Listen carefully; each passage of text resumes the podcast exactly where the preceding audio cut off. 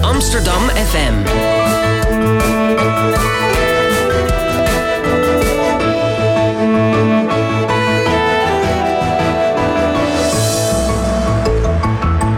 Radio Swammerdam.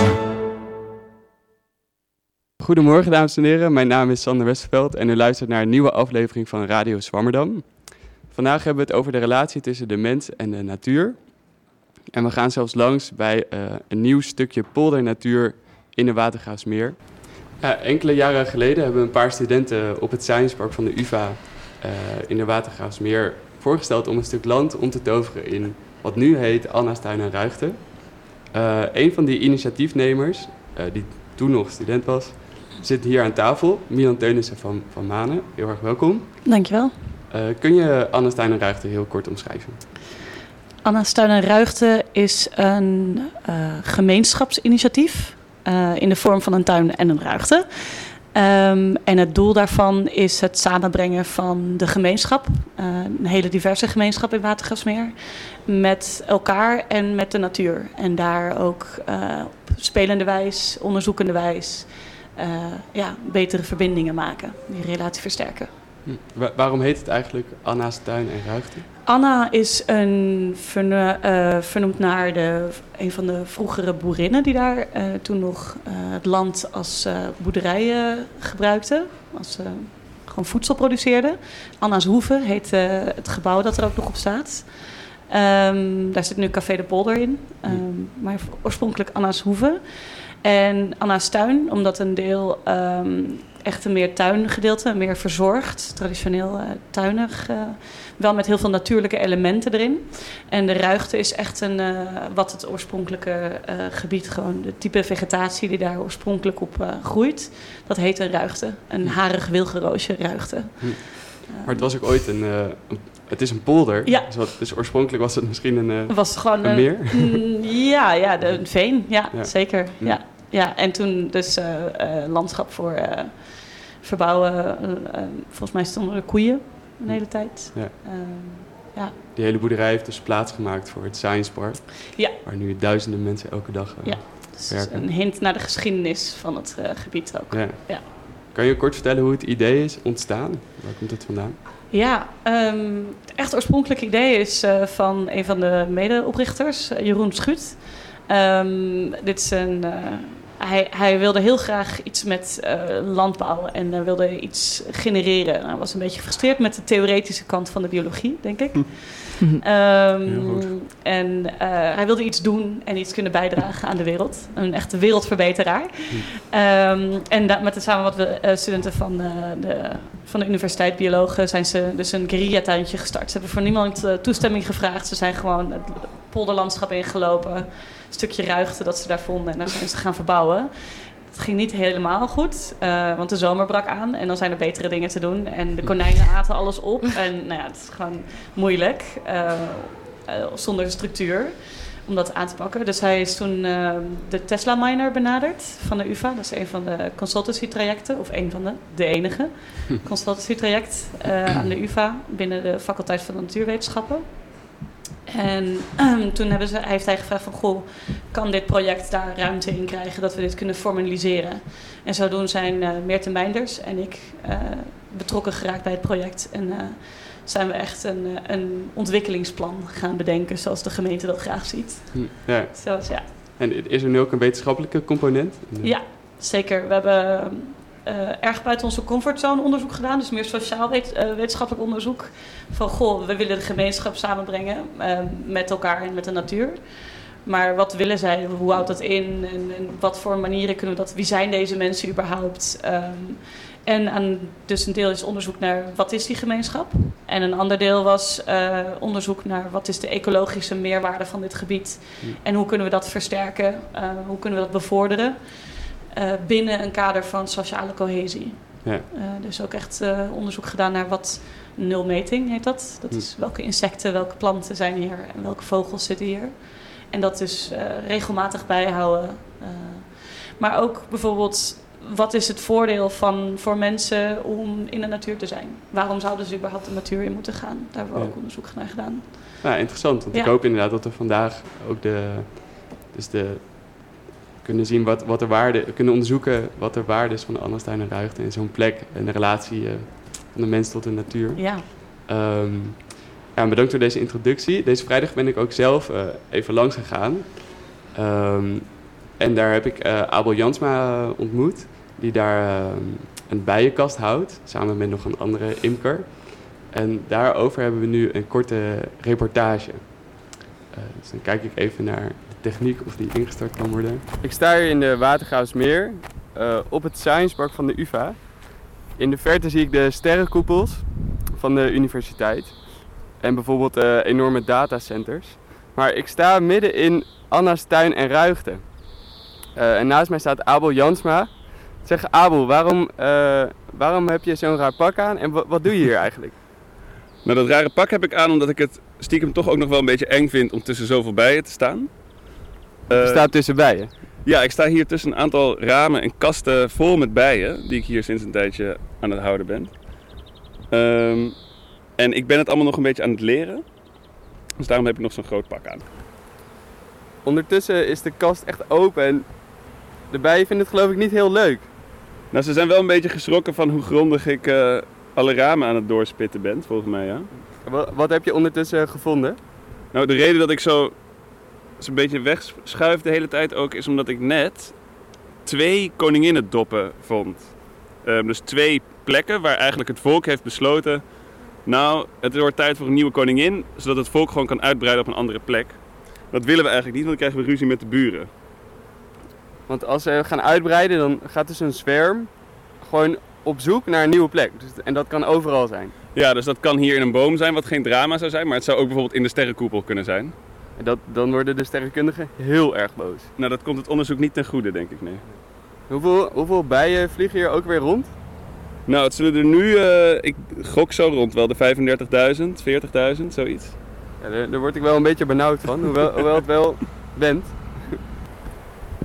Abel, je hebt net de, de kast dicht gedaan. Ben je, ben je trots op je bijen? Ik ben wel trots op mijn bijen. Ze zijn goed bezig. Ze hebben een mooie raad gebouwd. Heel mooi stuifmeel zijn ze aan het verzamelen. Veel honing, veel broed. Ze zijn goed bezig. Dus je bent helemaal blij. Ja, ik ben heel blij. Wat, wat is volgens jou de toekomst voor, eh voor Annestein en Rijgte over eh, een paar jaar? Nou, het lijkt me mooi als alles een beetje ontwikkelt.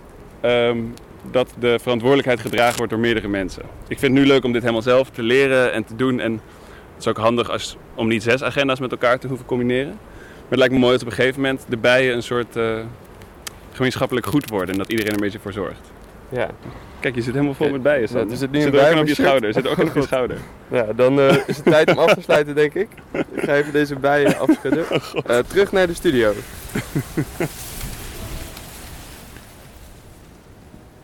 Ja, dat was dus Abel Jansma in, de, in Anna's tuin en Ruigte. Ehm, we zijn allebei niet gestoken, we, zijn helemaal, we hebben alles overleefd. maar hij benoemt dus ook heel duidelijk dat gemeenschappelijke eh, element van en Ruigte, wat ik heel, dat, dat kwam hij echt zelf mee. Ehm, en dat noemde jij inderdaad net zelf ook al. Hoe, hoe belangrijk is dat in, de, in het hele plan? essentieel. Dat is echt ehm, de essentie van het project, is dat mensen, eh, de gemeenschap, eh, een, een eigen manier vindt om zich te verhouden tot dat stukje natuur. Om even alle biologen boos te maken. Ehm, eh, en dat, ze- dat je dus op je eigen manier je betrokken voelt eh, om mee te doen aan, aan ja, natuurbeleving. Ehm, dus eh, het samenkomen en zelf initiatief nemen en ehm, eigendomgevoel van, van dit project. En, en dat is echt de, de kern. We zijn nu een klein, kleine stichting, staat daarachter als eh, organisatorische steun. Ehm, maar het idee is echt dat iedereen die maar wil wat doen, die iets wil doen, ehm, binnen die ruigte. En het past binnen die kaders van, van biodiversiteit en gemeenschap samenbrengen. En, eh, en ook een educatie en onderzoek. Dat zijn een beetje de, de pilaren. Eh, wat basically alles is natuurlijk. Ehm, eh, dat wordt dan eh, heel erg verwelkomd. Dat is echt eh, de bedoeling dat mensen hun eigen dingen gaan doen. En op welke gemeenschap doe je dan? Op de studenten, op Science Park of op de Watergraafsmeer en iedereen die daar woont? Op dit moment bereiken we vooral mensen op het Science Park. En dat zijn eh, studenten, mensen die daar werken, medewerkers. We hebben ook heel veel start-ups zitten op Science Park. Ehm, en we hebben een aantal grote onderzoeksinstituten. We hebben grote datacenters. En het is heel erg interessant om te zien, of het was, het was een interessante uitkomst van het onderzoek dat we hebben gedaan, dat die gemeenschap eigenlijk op hele andere manieren naar de natuur kijkt. Ook binnen de Mm. studentengroep zelf. Dus biologen hebben een hele andere manier om dat stukje ruimte te benaderen dan eh, bijvoorbeeld iemand van een datacentrum. Wat wil iemand van een datacentrum daar dan? die wilde eh, dat het wat netter eruit zag. Die had zoiets van, mijn grote klanten komen hier langs. En wat is dit rommeltje? Eh, wat kunnen we daar niet even wat aan doen? En wat Anna Stijn Ruigte dus nu geeft, is niet zozeer gemaaid landschap. Maar we geven nu een verhaal eh, aan die mensen om te vertellen van... ja, maar dit is een, eh, het ziet er een beetje rommelig uit. Maar dit is hoe natuur, eh, stadsnatuur er eventueel gaat uitzien. Dit wordt allerlei interessante onderzoek eh, eh, gedaan. Wordt cohesie, kunnen we in picknicken, dat soort Hm. dingen. Er kunnen Ja. allerlei leuke dingen in gebeuren. Hm. Dat het niet alleen maar een beetje verlaten terreintje is. Ja. Dus dat verhaal was echt nodig om het, om het ook duidelijk te maken voor de rest van Science Park Ja. wat dat stukje land eigenlijk is. Ja, ja, dat is ook een manier van natuur beleven. Eigenlijk het verhaal hebben. Van, weet je, niet iedereen wil de ruigte in. eh, maar gewoon iemand, iemand kan wel een beleving hebben van natuur en een relatie hebben tot, met, tot natuur door zo'n verhaal te kunnen delen. Ja. En daar, daar blij over te zijn dat dat mensen zijn die dat doen. Ja. Ook al ben jij dat nog niet per se, kun je er wel geluk uit halen en je verbonden voelen met een eh, stukje Hm. natuur. We komen hier straks eh, zeker Ja. op terug. Eh, tegenwoordig heb je je gestort op een PhD in de paleo-ecologie. Ehm, wat, wat, wat betekent eigenlijk paleo-ecologie? In de paleoecologie doen we reconstructies van klimaat en vegetatie.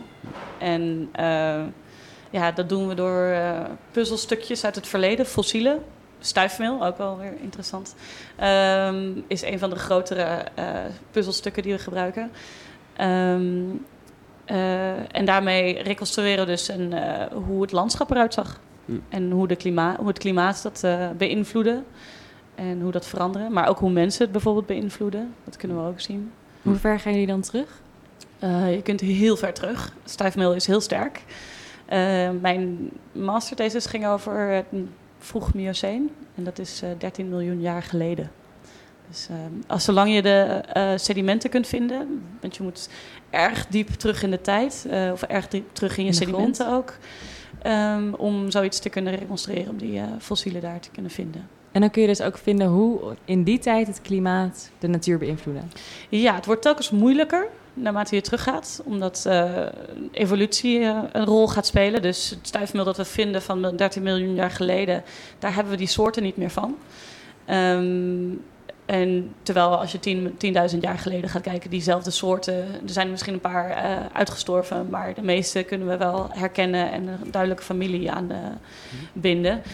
En dat zegt ons weer iets over ehm, het klimaat. Dus we weten van de bomen die we hier zien staan, oh, die komen in dat soort klimaten voor. Of die komen, eh, als er heel veel grassen zijn, dan zal het wel wat Mm. droger of kouder zijn geweest. Of, eh, Mm. Dat zegt ons, eh, vertelt ons dingen over het klimaat weer.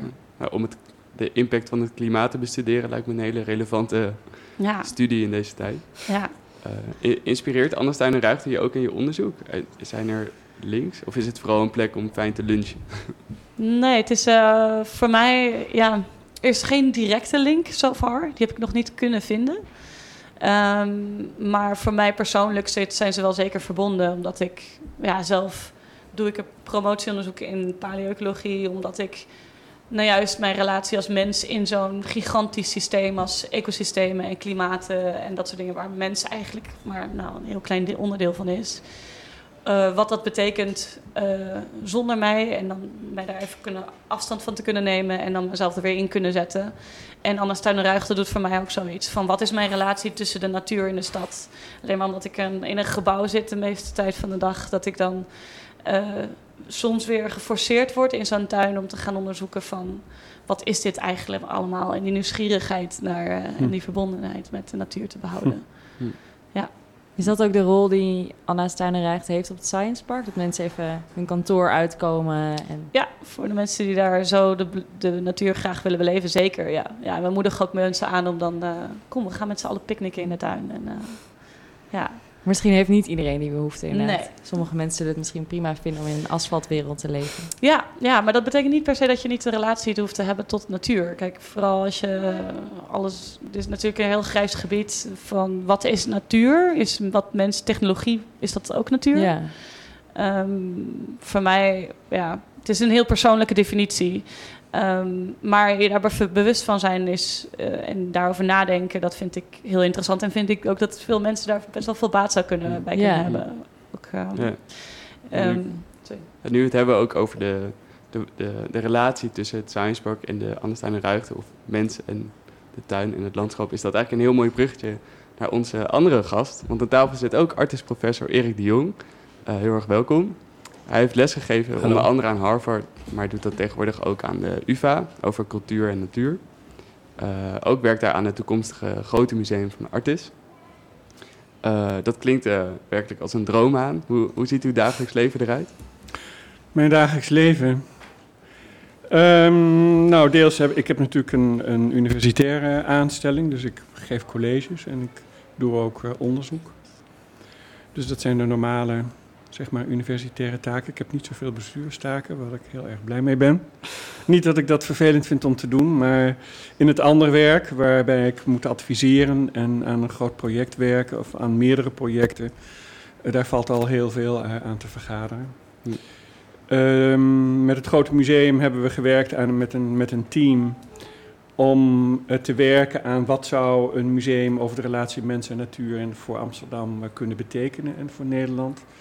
En dat zou dan moeten plaatsvinden in een gebouw dat op Artis ooit als natuurhistorisch museum in 1852 is neergezet en dat ook nog altijd eigenlijk intact bestaat, maar Hm. leeg. Wordt op het moment gerestaureerd, dus dat is Hm. ook nog eens een bouwproject. Hm, Wanneer is dat ongeveer af? Of is het- Uh, over een aantal jaren, dat is nog uh, onbeslist, hangt ook Ja. van de hoeveelheid geld af. Het is een miljoenenproject. En we weten allemaal hoe moeilijk het is om geld te krijgen voor dit soort grote projecten. Maar Maar dat moet weer een natuurhistorisch museum worden. ja, maar niet in de traditionele zin. Want daarom vond ik het heel erg leuk wat er net verteld werd. Dat, ehm, dat ook studenten zelf eh, beseffen, ook vanuit hun biologische achtergrond, dat een tuin meer is dan alleen maar biologie. Maar dat het ook een sociaal project is. Dat het iets zegt over onze relatie met natuur. En misschien ook omgedraaid over de relatie die natuur met ons zou Ja. kunnen hebben. En zijn wij wel of niet onderdeel eh, van die eh, natuur? Dat is een hele, eigenlijk een hele complexe relatie. En ik begrijp een beetje uit het verhaal al dat, ja, dat zoveel gebruikers als er van dat landschap zijn, zoveel visies zijn er op wat eh, natuur is. Sander is al bijna bang van één bij op zijn schouder. Dus biofobia is evengoed eh onderdeel, dus angst voor natuur, als biofilia, liefde voor natuur. Dus dat geeft al aan wat voor uitersten of gradiënten daartussen. En dat willen jullie vatten in een museum. Dat zou je heel goed moeten kunnen vatten in een museum. Ja, want je, je kunt, eh, kijk, als, als artis waar mensen komen om dieren te zien. Tegenwoordig is er ook een microbe tentoonstelling en micro-organismen, omdat we niet meer alleen kunnen denken in, in alleen maar grote zoogdieren als natuur.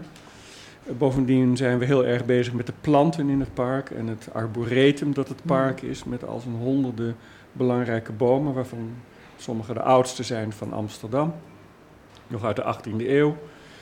Ehm, dus het gaat om een totaal van dingen. En we hebben natuurlijk eh, de wetenschap behoorlijk gespecialiseerd. De bioloog, die bioloog doet dat met de natuur. Ehm, en, een, en de biologen hebben zichzelf ook eh, gespecialiseerd in zoologen en paleontologen. En, ehm, maar ik geef natuurlijk college ook aan studenten ehm, die niet in de eerste plaats bioloog zijn of uit de natuurwetenschappen, maar binnen de geesteswetenschappen. Omdat ik ervan overtuigd ben dat natuur een heel belangrijk thema is en landschap voor de geesteswetenschappen. Dus voor Eh, de filosofen vooral. Voor de filosofen, voor, het zit in geboor, verborgen in literatuur. Hm. Het zit verborgen, laat ik zeggen, in, in kunst en cultuur algemeen. De natuur is of impliciet of expliciet voor ons allemaal een ongelooflijk belangrijke toetssteen eh, in ons leven. En ik geloof dat we, wat er net ook werd gezegd, ben ik het helemaal mee eens, dat we ons meer bewust moeten worden ehm, wat die relatie eigenlijk is. En zeker in een zich verdichtende stad, Hm. denk ik dat wij onze identiteit als mens niet goed, goed kunnen begrijpen als we niet weten wat natuur voor ons betekent. Is het daarom ook zo belangrijk dat bijvoorbeeld Artis en Anderstuin en Ruigten zich midden in de stad bevinden? Want je zou misschien voor hetzelfde geld in eh, Flevoland een stuk groter park aan kunnen leggen. Ja, ja toen de huidige directeur van Artis eh, op Artis kwam, was ook een van de eerste aanbiedingen die hij had gekregen van projectontwikkelaars. ehm, kunnen wij dit kopen?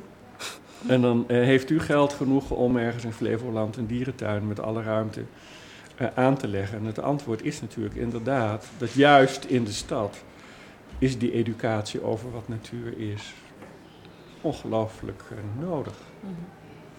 De um, Anna's Ruigte, dat kwam net heel mooi naar voren. Ja, wat is ruigte en wat is orde? Heel veel mensen willen een opgeschoonde, dus een beheerste natuur die door ons beheerst wordt, zodat we... eh, heel veel mensen vinden natuur ook vies en eng. Ja, dat hoorden we wel van de mensen van de Ja. datacenters. Dus de, Ja. en, Ja. en de ruigte laat nou juist zien dat we ook in een tijd leven waarbij we die ruigte juist enorm moeten waarderen.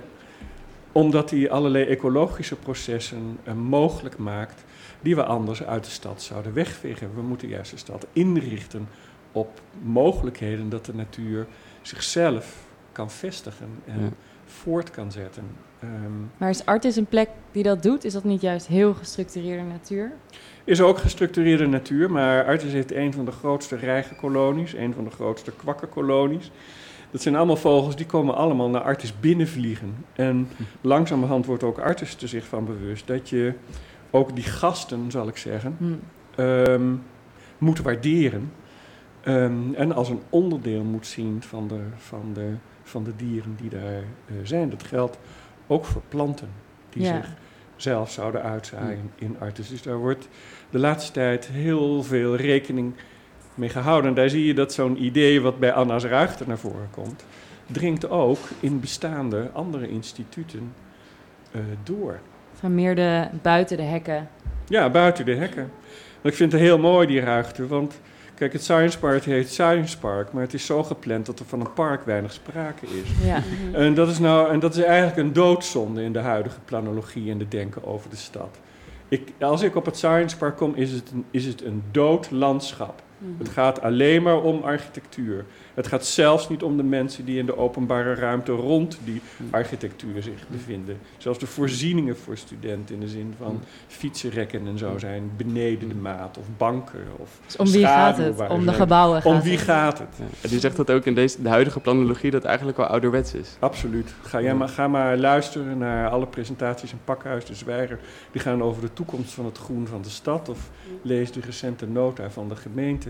Ja. Eh, daarom zijn die geïnteresseerd in Eh ruigt. Omdat dat laat zien dat je zoiets ook in die omgeving nodig hebt. En dan heeft het nog ook nog een functie voor onderzoek. Wat op zichzelf natuurlijk al heel interessant is. Want de universiteit had ooit zo'n plek. En dat is de Hortus in de plantage.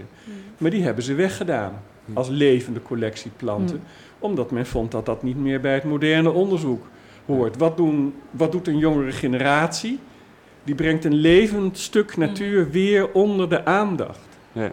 Dus we zijn voorbij eigenlijk die beslissing dat de Hortus niet een weet van voor een wetenschappelijke belangstelling geschikt zou zijn. Heel veel universiteiten. Wageningen heeft ook zijn arboretum Ja. aan de kant gezet. Hoe, hoe is voor jou die vergelijking, Milan, met de Hortus Botanicus? Ja, eh, fantastisch. Ja. ja, ik heb het zelf nooit zo kunnen verwoorden, maar ja, dat is, eh, dat is precies dat gevoel dat, wat, wat heerst Ja. onder de studenten. Is die, die van, goh, waarom rijden we helemaal naar Twente om natuur te gaan zien? We hebben Ja. hier gewoon eh, een ruigte Precies. liggen. Waarom Ja. kunnen we daar niet soorten gaan eh, onderzoeken? Ja. ja, zeker. En waarom zou dat nou nu belangrijker zijn geworden, zoals u zegt? In de planologie komt dat ook eh, naar boven. Terwijl we misschien Oh, tien jaar ja. geleden wilden we alleen maar gebouwen zien.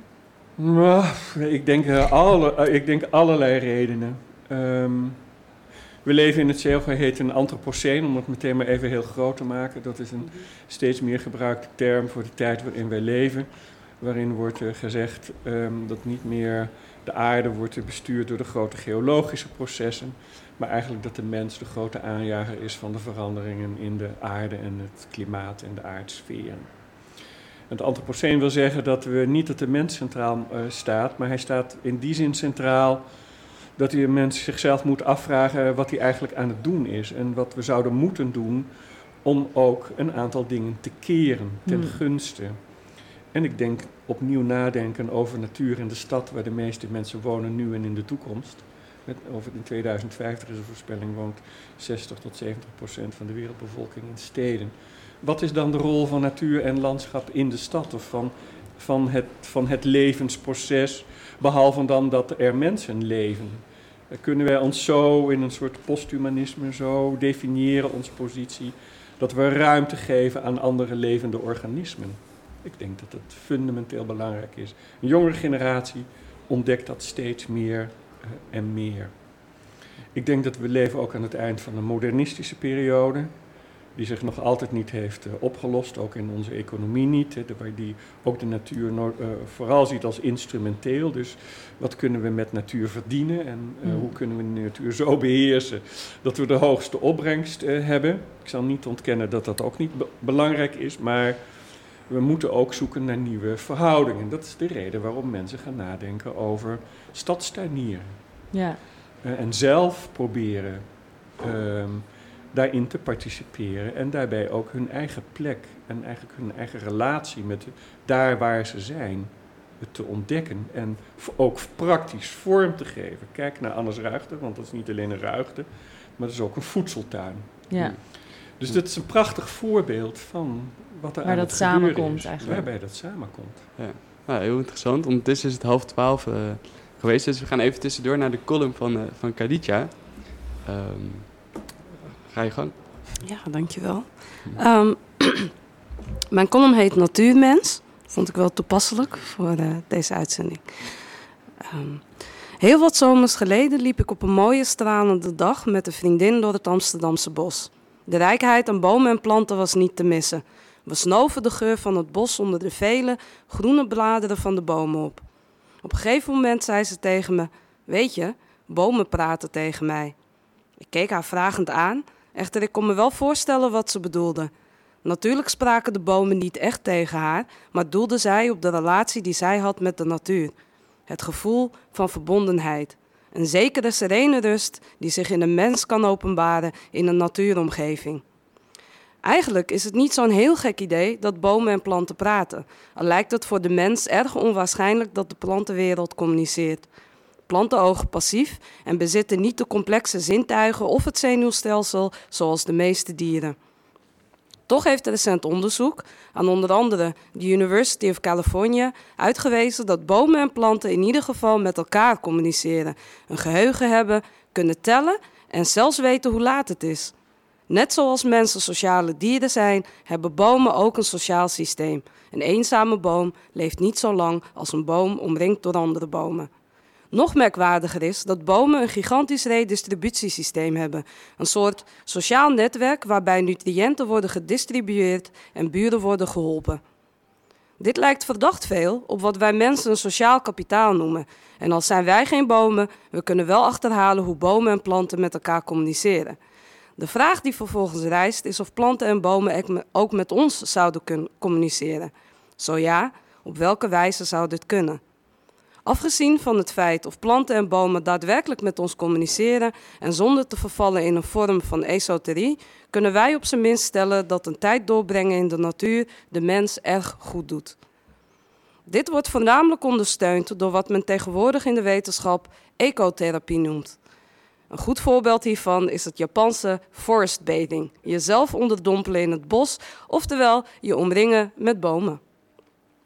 Waar het op neerkomt is dat de aanwezigheid van bomen leidt tot een lagere hartslag, een reductie van stresshormonen, de stimulatie van het immuunsysteem en een verbetering van het algehele gevoel van welzijn. Volgens de 17e eeuwse filosoof Baruch de Spinoza speelt de natuur een grote rol in ons leven. Niet alleen is de natuur de substantie van het universum, de natuur is ook de enige substantie die er is. Alles komt, dan er ook, alles komt er dan ook noodzakelijk en oorzakelijk uit de noodzakelijk bestaande natuur. Al hetgeen wat bestaat, is de natuur. Het is één substantie waarbij alles volgens logische wetten en absolute logische noodzakelijkheid gebeurt. Verschil en verscheidenheid vanuit de filosofie van Spinoza bezien is een illusie. Hoezeer wij mensen onszelf veelal buiten de natuur pogen te plaatsen, valt het niet te ontkennen dat wij invloed hebben op de natuur en de natuur op haar beurt ook op ons. Heeft Spinoza dan toch gelijk en is het verschil tussen de mens en de natuur enkel een illusie en behoren wij ook tot de substantie van de natuur en daarmee het universum? column. Alsjeblieft. Volgens mij uh, schets je een hele sterke, sterke band tussen de mens en de natuur. Ervaar je dat zelf ook zo? Uh, ja, ik, uh, ik ga heel vaak hardlopen. Ik ben uh, geboren in, in West, Westerpark, opgegroeid in Amsterdam-Noord. Ik heb hier aan de overkant gewoond, op de kop van de Zeedijk. Hm. En dat verschil merkte ik wel heel sterk dat als je in de binnenstad woont, heb je natuurlijk minder groen om jou heen. Om, om even natuur te reduceren tot, tot groen. Hm. Um, dat heeft wel effect op je. Uh, het heeft het effect dat, dat je wat gehaast... Ik voelde me wat gehaast. En in Amsterdam-Noord heb je toch wat meer groen. Een groot park. Het Noorderpark is uh, een aantal jaar geleden gerenoveerd en heel mooi aangelegd. En dat heeft een uh, heel fijn uh, uitwerking op mij. Hm. Het zorgt ervoor dat ik me kan ontspannen. Het zorgt ervoor dat ik um, tot mezelf kan komen ook. Hm. Ik uh, mediteer niet, maar ik zie het wel als een vorm van mediteren wanneer ik in het bos dus aan het hardlopen ben. Of in het park in, in Amsterdam of um, langs de, de, ja, het boerenlandschap, om het maar zo te zeggen. Uh, dat geeft voor mij uh, wel, wel een gevoel van dat, dat de, de, de, gehaastheid van het leven, van de dagelijkse beslommeringen, dat je dat in perspectief kan zien en dat je tot jezelf kan komen. Ja. Dat, dat, is een hele duidelijke waarde van het groen. Ja, zeker weten. Ik hoor ook heel veel liefde voor de natuur. Volgens mij heeft u, Erik, daar ook al veel uh, over geschreven. ik denk dan aan de biofilia-hypothese. Mm -hmm. wat, wat, kan je daar iets meer over vertellen? Uh, de biofilia-hypothese is een, is een idee van Edward Wilson, een Harvard-bioloog. Die ervan uitgaat dat uh, onze relatie met de natuur eigenlijk ook genetisch is bepaald en overgeleverd. Um, en dat, daar een aantal, dat, daar een, dat dat bij ons een soort grondhouding heeft uh, meegegeven. Die we ons niet altijd bewust zijn en die ook zeker in meer artificiële leefomgevingen sterk is ondergesneeuwd maar die wel opgewekt en aangesproken kan worden. Um, dat is, misschien een heel kort, maar hij, hij zegt het is een biologische conditie dat als we bijvoorbeeld op een, ergens op een heuvel zouden staan en we zien een groot panorama uh, aan onze voeten, dat we um, een idee van plek en plaats hebben of van, van, van wat net ook werd gezegd in de column, van uh, verbinding. Uh, of dat we onderdeel van dat grotere landschap uh, zijn en ook met die hemel erboven, zonder misschien precies te beseffen wat dat, wat dat verband uh, is. Dat zou iedereen hebben. En dat zou iedereen hebben, ja. Hij zegt dat dat is. Dat dat eigenlijk in onze genen hm. zit. Dus ook, maar hij, want hij, en hij zegt daar ook bij dat dat uh, ook blijkt, omdat die biofiele hypothese, die werkt hij verder niet zo heel erg sterk uit, maar dat is iets wat mij dan erg interesseert, is dat er ook allerlei vormen van uh, cultuur, dus verhalen die verteld worden, het werd net ook al verteld naar aanleiding van de educatie bij Anna Zeruigte, in verschillende uh, grote culturen en minder grote culturen is die relatie met de natuur, is, is de bron voor voor, voor, voor mythen en scheppingsverhalen en sprookjes en uh, tuinkabouters in onze tuinen. En um, we geven het, uh, daar continu vorm aan, uh, ook in talloze, in de manier waarop architectuur in het landschap wordt gezet of niet wordt gezet, ja. zoals op het Science Park, om dat nog eens te benadrukken. Het wordt wel in een landschap gezet, maar het landschap, de natuur als component is niet mee is niet meebedacht of daar zijn geen gedachten over ontwikkeld. Dus zowel het negatieve als het positieve element in onze handelingen of in dat uh, wat kunstenaars en ambachtslieden van natuurlijke materialen maken overal in de wereld. En hoe uh, nieuwe ontwerpers, jonge ontwerpers opnieuw zich vragen stellen: wat doe ik dan nu met afval uit de natuur of met mest of hoe kan ik met microben iets maken of met plastics. Hm. Al die dingen of nieuwe ideeën over duurzaamheid, dat heeft allemaal te maken met, met dat zoeken naar die verstandhouding. met zijn er ook consequenties van, zoals Khadija bijvoorbeeld vertelde, dat ze midden in het centrum woonde en dat ze zich, nou, een beetje de, eh, van op afstand van de natuur voelde. Als we dus van nature eigenlijk bij de natuur willen zijn Ja. en als we dat afsluiten, Ja. heeft dat consequenties voor ons zijn. Ja, er is, er is allerlei onderzoek dat dat eh, onze gezondheid nadelig kan eh, Oh beïnvloeden. De- dat, dat, daarom is er niet voor niet zoveel discussie over de zuiverheid van de lucht in de Nederlandse steden. Die niet overmatig hoog eh, eh, scoort. Ehm, bewegingsvrijheid, eh, spel voor kinderen in een omgeving die meer, uit meer bestaat dan alleen maar een straat. Mensen zoeken, het beste bewijs is natuurlijk dat als je kijkt naar de bezoeker van de Amsterdamse parken, dat zo'n Amsterdamse Vondelpark is natuurlijk overvol, omdat Ja. iedereen daar iets zoekt, op welke manier dan ook. Dus het is nu En we aan- trekken daar echt we naartoe. trekken daar naartoe. En, maar het gekke is dat we trekken allemaal daar naartoe waar anderen zich al bevinden. Ja. Mensen zijn wat dat betreft heel erg weinig origineel. Want er zijn talloze andere parken in Amsterdam waar het veel minder druk is. En, en, en misschien niet zo gezellig als in het Vondelpark. Maar er is wel natuur en er is ook water en er is ook landschap en er zijn ook tuinen. En er, zijn, er is ook horeca. Dus als mensen iets inventiever zouden zijn, dan, dan zouden we met z'n allen nog beter gebruik maken van dat soort parken. Maar als een mens ook onderdeel is van de natuur, willen we misschien en in het groen zijn en ook tussen de mensen. Ja, maar dat is, dat is natuurlijk een consequentie van het leven eh, in de stad. Ja, dat zou Mhm. kunnen. Dus dat, eh, maar goed, als mensen dat op de koop willen toenemen, maar dat betekent voor het onderhoud van dat soort parken weer dat de gemeente daar heel goed in moet investeren. En dat is natuurlijk voor het Vondelpark ook wel eens anders geweest. En Mm. Het is nog maar heel recent dat het Vondelpark in bijna negen jaar ook helemaal gerenoveerd is. Daar was ik zelf een van de, samen met Michael van Gessel, een van de supervisoren eh, voor om het Vondelpark te renoveren. Dat is een enorme belangrijke grote opdracht dat we ook heel goed voor dat soort ruimtes zorgen. En dat er eh, geld is ehm, om dat te doen. En dat die parken dus tot de, tot de stadscultuur behoren. En dat dat geld vraagt en investeringen Mm. eh, om dat goed te kunnen doen. Dat, spreekt allemaal niet zo vanzelf. En dat we daar dan de... Sorry, wat wilde je zeggen? Ja, ik vind het wel interessant. Ik vind zelf Vle Vondelpark, omdat er zoveel mensen heen gaan, kan ik daar nou juist minder die relatie Ja. tot natuur ervaren. Ja, natuurlijk. Ja. Dat, is, dat vind ik wel interessant, want aan de ene kant zijn we wel Ja. heel sociaal en willen we inderdaad eh, samen zijn. Maar er is ook een onderdeel van natuurbeleving voor mij heel belangrijk, die eenzaamheid nou juist. Ja. En even dat alleen zijn. Ja. Dat, dat is in Eh. Anderstein en Ruigten wordt dat misschien wel een uitdaging. Ja, het is klein. Maar we kunnen niet alles. Maar het gaat om... ehm, Ah, het- anderhalve hectare is, hè, is eh, Anna's Raagte. Ja, als je ook wateroppervlak Een meegeeft. wateroppervlak, ja. Als je alles meerekent, Ja. ehm, dan is het anderhalf hectare. Maar het gaat eigenlijk meer om een soort van hè, voorbeeldje van eh Ja. opstapsdrem, laagdrempelig iets. Zo Ja. van dat je dan uiteindelijk eh, andere plekken op gaat eh, zoeken. Mm. Als je echt soort van die eenzaamheid en die even die ruimte wil nemen, dan, ja, dan zou ik aanraden om naar een eh, ander gebied te gaan. Al is dit Ja. al een goed begin. Je, je kan me wel, eh, vooral als je alleen even een wandeling gaat maken, kun je al best wel even die wind, eventjes Ja. geen gebouw.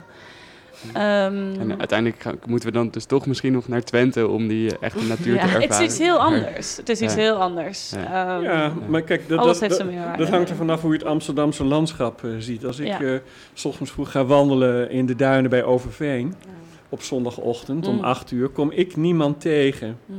Pas na 12 Ja. uur stromen de massa's eh, toe, dan, dan ben ik alweer weg. Mhm. Dus als je ziet, eh, de stad is niet alleen de stad als, ehm, als het stadscentrum. Je moet eh, Amsterdam zien als een, metropoli- eh, als een metropolitaan gebied, waarin talloze gebieden en tussengebieden zijn Je kunt prachtig eh, fietsen van hier naar halfweg. Waar trouwens ook een fantastische tuin is. En een groentetuin en een Hm. boomgaard. En met ontzettend veel activiteiten. Ja. Dus als je inventief bent en je wilt ook die beweging die Kadisha Mm. eh, wil. Je kunt, je kunt rennen, maar je kunt er ook naartoe fietsen. Ehm, Ja, ik vond dan, ook... dan, dan, maar dat vraagt dus een soort aanpassing in, in ons bewustzijn van wat betekent dan die natuur werkelijk voor mij en wat heb ik daar dan voor over? Wat doe ik dan met mijzelf? Ja. Hoe spreek ik dat ook- aan? Ja, ik vond het ook leuk in je column dat je heel eh, eh, duidelijk vertelt hoe jij de natuur ervaart, of, kan- of jouw vriendin dan. Eh, en, eh, maar je personificeert de natuur ook een beetje, dat bomen praten en zo. En er is ook iemand anders die dat heel erg doet. Eh, daar hebben we een kort eh, fragment van. Eh, en die behoeft geen introductie, denk ik, want ik denk dat iedereen hem herkent. Of all the animals that live on our planet, one extraordinary group dominates. It has produced the largest, the blue whale, the fastest, and the most intelligent creatures that have ever lived. They're known as the vertebrates, and they all share one vital feature a backbone. Now I want to travel back in time to explore their ancient origins and investigate the key advances that led to their amazing success. Advances that can also reveal how we came to acquire the characteristic features of our own vertebrate bodies. Jaws that bite, lungs that breathe, ears that can hear. Because the story of the rise of animals is also the story of how you and I came to be as we are. Hm. Ja, dit was natuurlijk David Attenborough. Eh, en hij noemt heel expliciet hoe de natuur eh, ook een leermeester kan zijn eh, voor de mens. En dat doet me ook denken aan de naam artis, want ik leerde dat dat eigenlijk een afkorting is. Ja, artis is afgeleid van ehm Natura Artis Magistra. Zo hebben de, geen, de burgers, de Amsterdamse burgers die artis in 1838 oprichten, genoemd. En dat betekent de natuur is de leermeesteres van kunst en wetenschap. Dus het grote voorbeeld. Wij zijn eigenlijk, wij behoren imitatoren te zijn van alle processen en alle vormen en constructies en technologieën en kleuren en inventies van de natuur. Die trouwens in de 17e, 18e, 19e eeuw wel een grotere kunstenares werd genoemd dan wat mensen zelf ooit kunnen voortbrengen. Dat geeft het, dat geeft het spanningsveld aan. Tegenwoordig heet dat biomimicry. Dus dat zijn de nieuwe technologieën ehm, eh, die proberen opnieuw processen en de materialen van de natuur zo te bestuderen dat die voor duurzame oplossingen zouden kunnen zorgen. Nou, niet alleen duurzaam, de militaire wetenschap is ook heel erg geïnteresseerd in kleefmassa's en kleefpasta's die sommige dieren aan hun poten hebben, zodat het idee van de Spider-Man ook werkelijk ehm, eh, werkelijkheid zou, zou, zou kunnen worden. Dus daar zit altijd nog een instrumentele achtergrond in van hoe kunnen we die natuur voor tal van doeleinden gebruiken. Dat is het namaken van de natuur. Of het gebruik van eigenschappen uit Ja. de natuur. Ja, dus misschien niet zozeer namaken, maar het is de, de grondstoffen en de grondconstructies zodanig bestuderen eh, dat je die met, met, met, met materialen zou kunnen nama of namaken, ja, op, opnieuw zou kunnen construeren. Ja. Het heeft ook iets met, eh, voor elk probleem dat wij hebben, heeft de natuur al jarenlang een oplossing voor gevonden. Gevonden, ja. Dus dat, van, het wiel opnieuw uitvinden, eh, we gaan gewoon naar de source, natuur. Die Ja. heeft de oplossing al. Dus dan is het toch de leermeesteres van, Zeker. Van alles eigenlijk. hm. Ja. ja, ik denk dat je het ook nog eh, abstract kan zien. Ik studeer zelf natuurkunde en we doen veel onderzoek naar zonnepanelen natuurlijk. Eh, en we hebben heel lang fossiele brandstof gebruikt en daarmee de natuur eigenlijk gebruikt. En nu met zonnepanelen doen we, hebben we eigenlijk een soort kunstmatige fotosynthese. Dat is misschien op een verre manier ook een soort biomimicry. Zeker. Ja, dat is zeker. Ik denk het wel. Ja. ja. En dat geeft aan dat in die zin natuur en technologie, wat heel veel mensen trouwens vaak voelen, niet elkaars vijand hoeven te zijn. Maar ze kunnen elkaar ook de hand reiken. Wij doen natuurlijk als mensen zeer veel slechte dingen in Mhm. de natuur en op aarde.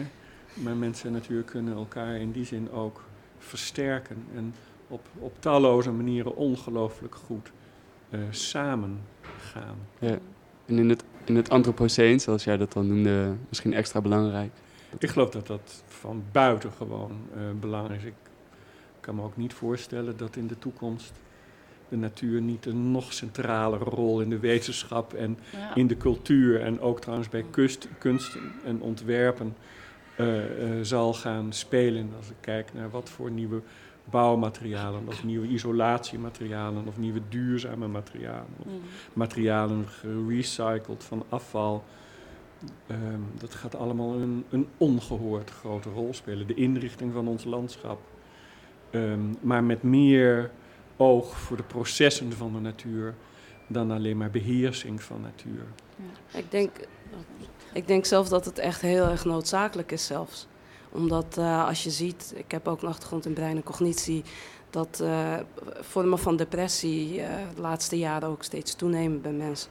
Dat het heel erg belangrijk is dat die natuur in onze omgeving, die ook invloed heeft op ons, ons welzijn, eh, heel erg goed eh, naar gekeken moet worden. En dat het heel erg noodzakelijk is dat dat ook een onderdeel wordt voor ons welzijn. Je ziet het al in andere landen, bijvoorbeeld ook in Japan dat, eh, of in China, dat er gebouwen, flatgebouwen worden gebouwd waarin natuur of, of groen al in verwerkt zit. Dus je haalt eigenlijk het groen, je combineert het met de, de omgeving waarin mensen wonen. En dat heeft een heel erg positief effect Hm. op de geestelijke gesteldheid ook van, Ja. van de mens. Dus het is eerder een noodzakelijkheid, denk ik, dan, eh, dan, een, dan een voorkeur, om het maar Ja. zo te zeggen. Ja, en als je dat dan ook nog combineert met... eh, je hebt groen die voor mensen functioneel kan zijn. Dus inderdaad, als het een mooie boom is, dan kunnen we er al heel erg goed eh, geestelijk heel veel benefits van hebben. Voordelen. Ehm, maar als je dan ook nog het ecologische perspectief inneemt... dus niet alleen maar zomaar een boom... maar een boom die in een natuurlijk landschap... eh, eh, al voorkomt, dan heb je inderdaad die relatie, die wederzijdigheid meer. Hm. Dus niet alleen maar de mens gebruikt een stuk natuur om zich beter te voelen, maar tegelijkertijd dragen we ook iets bij aan het eh, verbinden van een, eh, het ecologisch netwerk bijvoorbeeld. Hm. Want dat is een van de belangrijkere Ja. dingen, is dat natuur met elkaar in verbinding moet staan om een gezond eh, ecosysteem Ja. te kunnen zijn. Daar Wat is dat, het ecologisch netwerk? Sorry? Wat is dat? Eh, in Amsterdam eh, hebben we eh, een netwerk uh, is, is ontworpen en aangewezen gebieden. Waarin uh, de natuur en het ecologische natuur in, uh, in die termen wordt bevorderd. Er zijn dan een aantal doelen van een soort paar soorten of een aantal processen die in die gebieden gaan plaatsvinden. En uh, die zijn met elkaar verbonden in Amsterdam. Maar Amsterdam is ook weer verbonden aan het Nederlands netwerk. En het Nederlands netwerk is weer verbonden aan het Europees netwerk. En dat is dan allemaal grote plannen om ervoor te zorgen dat uh, habitatfragmentatie, dus ecosystemen geïsoleerd raken, om dat tegen te gaan. Want dat is echt een van de grote bedreigingen voor natuurlijke ecosystemen en daarmee ook voor de mens. Dus doordat er te veel stad eigenlijk tussen de natuur komt. Stad of infrastructuur. Ja, oh ja, wegen. Treinen, wegen, dat soort dingen. Ja. Ik heb er een mooi voorbeeld van. Toen uh, Eiburg nog werd gebouwd, toen uh, was een periode dat er heel veel spinnen waren. Mm. Gigantisch veel spinnen, omdat ja. de vogels, die de natuurlijke vijanden zijn van die spinnen, die waren nog niet naar Eiburg getrokken. Dus je had een uh, enorme spinnenplaag. Klopt. Een uh, specifiek ja. voorbeeld toen. Ja. Oh, wat grappig. Dus en met dat netwerk ga je dat tegen? Ja, je dat krijgt... is eigenlijk wegen bouwen voor de natuur, voor infrastructuur. Ja, ja zeker. Zeker, zo kun je er ook over nadenken, ja. ja. Nou, en natuur kan dan migreren. Hè? Dus vogels ja. kunnen naar verschillende plekken. Of um, zoogdieren kunnen op verschillende plekken en ook van die plekken weer naar andere plekken gaan. En nu ja. zijn er vaak enorme barrières waardoor dat niet kan. Ja. We zijn natuurlijk zelf eigenlijk ook onderdeel van die ecologie. Hè? Die ecologie is niet iets buiten ons. Het gaat om de bewegingsruimte van iedereen. Van iedereen. Ja. Dus het moet een mens uh, inclusieve ecologie zijn. Omdat, mm -hmm. en, en, dat moeten wij leren, kennelijk. Ja, want we om, zien onszelf uh, misschien toch tegenover de natuur staan. Ja, of tot veel buiten staan. Ja. Het, is, het moet fijn zijn en het, het, het is daar, buiten ons. Terwijl als we goed willen zorgen voor nu en de toekomst... Ja dan moeten we er eigenlijk beseffen dat we er middenin moeten willen staan. Ja, of beseffen dat dat eigenlijk al zo is, vind ik dan En zo. eigenlijk dat het al Je- zo is. Het is, we Ja. doen alsof het een keuze is om onderdeel Ja. te zijn van natuur. Maar Ja. voor mij gaat het echt heel erg Is niet zo. diep. Alles wat ik drink, alles wat ik doe, dat Ja. is uiteindelijk in relatie tot natuur. En, en, Ja. en dan ook in de meest ecologische, biologische eh, sens. Niet alleen maar een verbonden, een mentale verbondenheid, maar gewoon, ik heb impact op mijn omgeving. Ja, dus dan is natuur eigenlijk wat Spinoza dan zegt, alles. Daar kan ik heel erg in vinden, ja. Heeft hij toch gelijk? Ja, Dus dat we dan meteen inderdaad denken aan groen, dat zijn onze associaties met natuur. Maar eigenlijk is het gewoon, dit, zijn wij de natuur. dit. Dit is ook de natuur. Maar wel, ehm, ja, Nou ja, wij zijn een, in die natuur een heel succesvol roofdier geworden. Ja. Hè? En eh, daarin zouden wij onszelf iets meer moeten beheersen. Dus dat Mhm. betekent dat we niet altijd moeten doen, maar dat we ook moeten laten. Ja. We moeten Ja. vooral andere levende wezens laten. Ja. En ze de kans geven om te bestaan. Ja, we zijn nogal dominant. En de natuur, als in het groen, kan niet voor zichzelf spreken. Dus dat moeten we dan... Dat is misschien die omslag waar jij het over hebt. Ja. Ja. Hoewel als wij volgens Bruno Latour in het parlement der dingen eh, eh, zouden, zelf zouden leren om namens de natuur te spreken, dan wordt het Ja. heel, al heel anders. Want dan moeten we in dialoog met onszelf. Ja, Van wat is dan die natuur waar die ik zou moeten verdedigen? Als ik zou moeten spreken namens een steen of een plant of een vos of een uil of namens de horizon of namens de olie of de zon. Wat is dan eigenlijk mijn verhaal? ja. Wat en hebben je? wij dat verhaal? Ja, weten we dat eigenlijk wel? Weten we dat eigenlijk wel? nou ja, als paleoecoloog doe je dat Da- eigenlijk. doe je Ja. dat? Dat is, ik Ja. probeer het verhaal van het verleden eh, op te, te, te reconstrueren. Want je hebt maar hints. Je kunt alleen maar Ja. hints interpreteren. Ja. Maar dat is wel hoe ik paleoecologie eh, beleef. Is Ja. zo'n wereld in kunnen duiken waarmee je op een gegeven moment andere ogen, eh, een andere bril opzet. Hm. En dan probeert dat verhaal te vertellen. Ja. Hm. Ja, dat vind ik wel... Mooi. Ja. Ook om af te sluiten, wat ik vraag of jullie, wat, wat zijn er, het klinkt alsof er heel veel overeenkomsten zijn tussen Artis en eh Annestein en Ruigte en hun eh, doel. mhm. Klopt dat? Ja, denk, denk het. denk het wel. Nou, in de kern, hoor, in ja. de kern denk ik wel. De uitvoering misschien anders inderdaad. De uitvoering is anders, de plek is anders, de Ja. vormen zijn anders, maar de, de wezenlijke behoefte eh, om de relatie tussen natuur en mens centraal te stellen eh, en daarmee een bijdrage te leveren aan onze, aan onze cultuur, zowel Ja. voor de andere levende dingen als voor onszelf. Ik denk dat we dat heel erg delen en daar zit een wetenschappelijke component in, er zit een sociale component in. Daar zit een eh, educatieve component in. En het laatste waar ik heel erg in geloof, omdat ook in de wetenschap ons steeds meer moeten beseffen dat we deze nieuwe verhalen of deze nieuwe inzichten ook met een groter publiek moeten delen. Ja, dan En als we dat eh, niet doen, dan, dan doen we ook iets niet goed.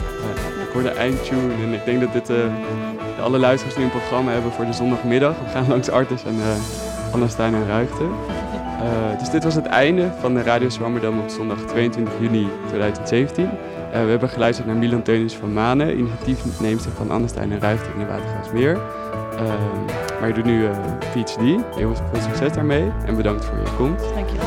En professor Erik de Jong, u ook heel erg bedankt uh, voor dit gesprek over de relatie tussen de mens en de natuur. Uh, we kijken ook enorm uit naar de opening van het grote museum. Maar dat, uh, we, we, wachten we geduldig even geduld hebben. ja. uh, en uh, ook jou heel erg bedankt, Aditya, voor je, voor je interessante column. Sloot heel mooi aan bij het onderwerp. Ja, heel mooi. Ook Abel Jansma natuurlijk nog bedankt voor zijn bijen. En, ik hoop dat het goed gaat met de bijtjes. En, ik, uh, ik zou voortaan schrik ik minder van een bij. En dat beloof ik aan, aan Erik ook. Ja, met, meer met open ogen. Ja, precies. Misschien moet ik me een keer laten prikken. Uh, like ons ook op Facebook, volg ons op Twitter. Dit was de laatste uitzending van dit seizoen. Maar 10 september zijn we terug met een vernieuwde redactie. Ook Misha Melita, heel erg bedankt voor je, om het samen met mij te presenteren. mijn naam is Sander Westerveld. heel erg bedankt voor jullie aandacht. En ook nog Maribeth voor de techniek. u luisterde naar Radio Zwammerdam en we wensen u nog een hele fijne zondag.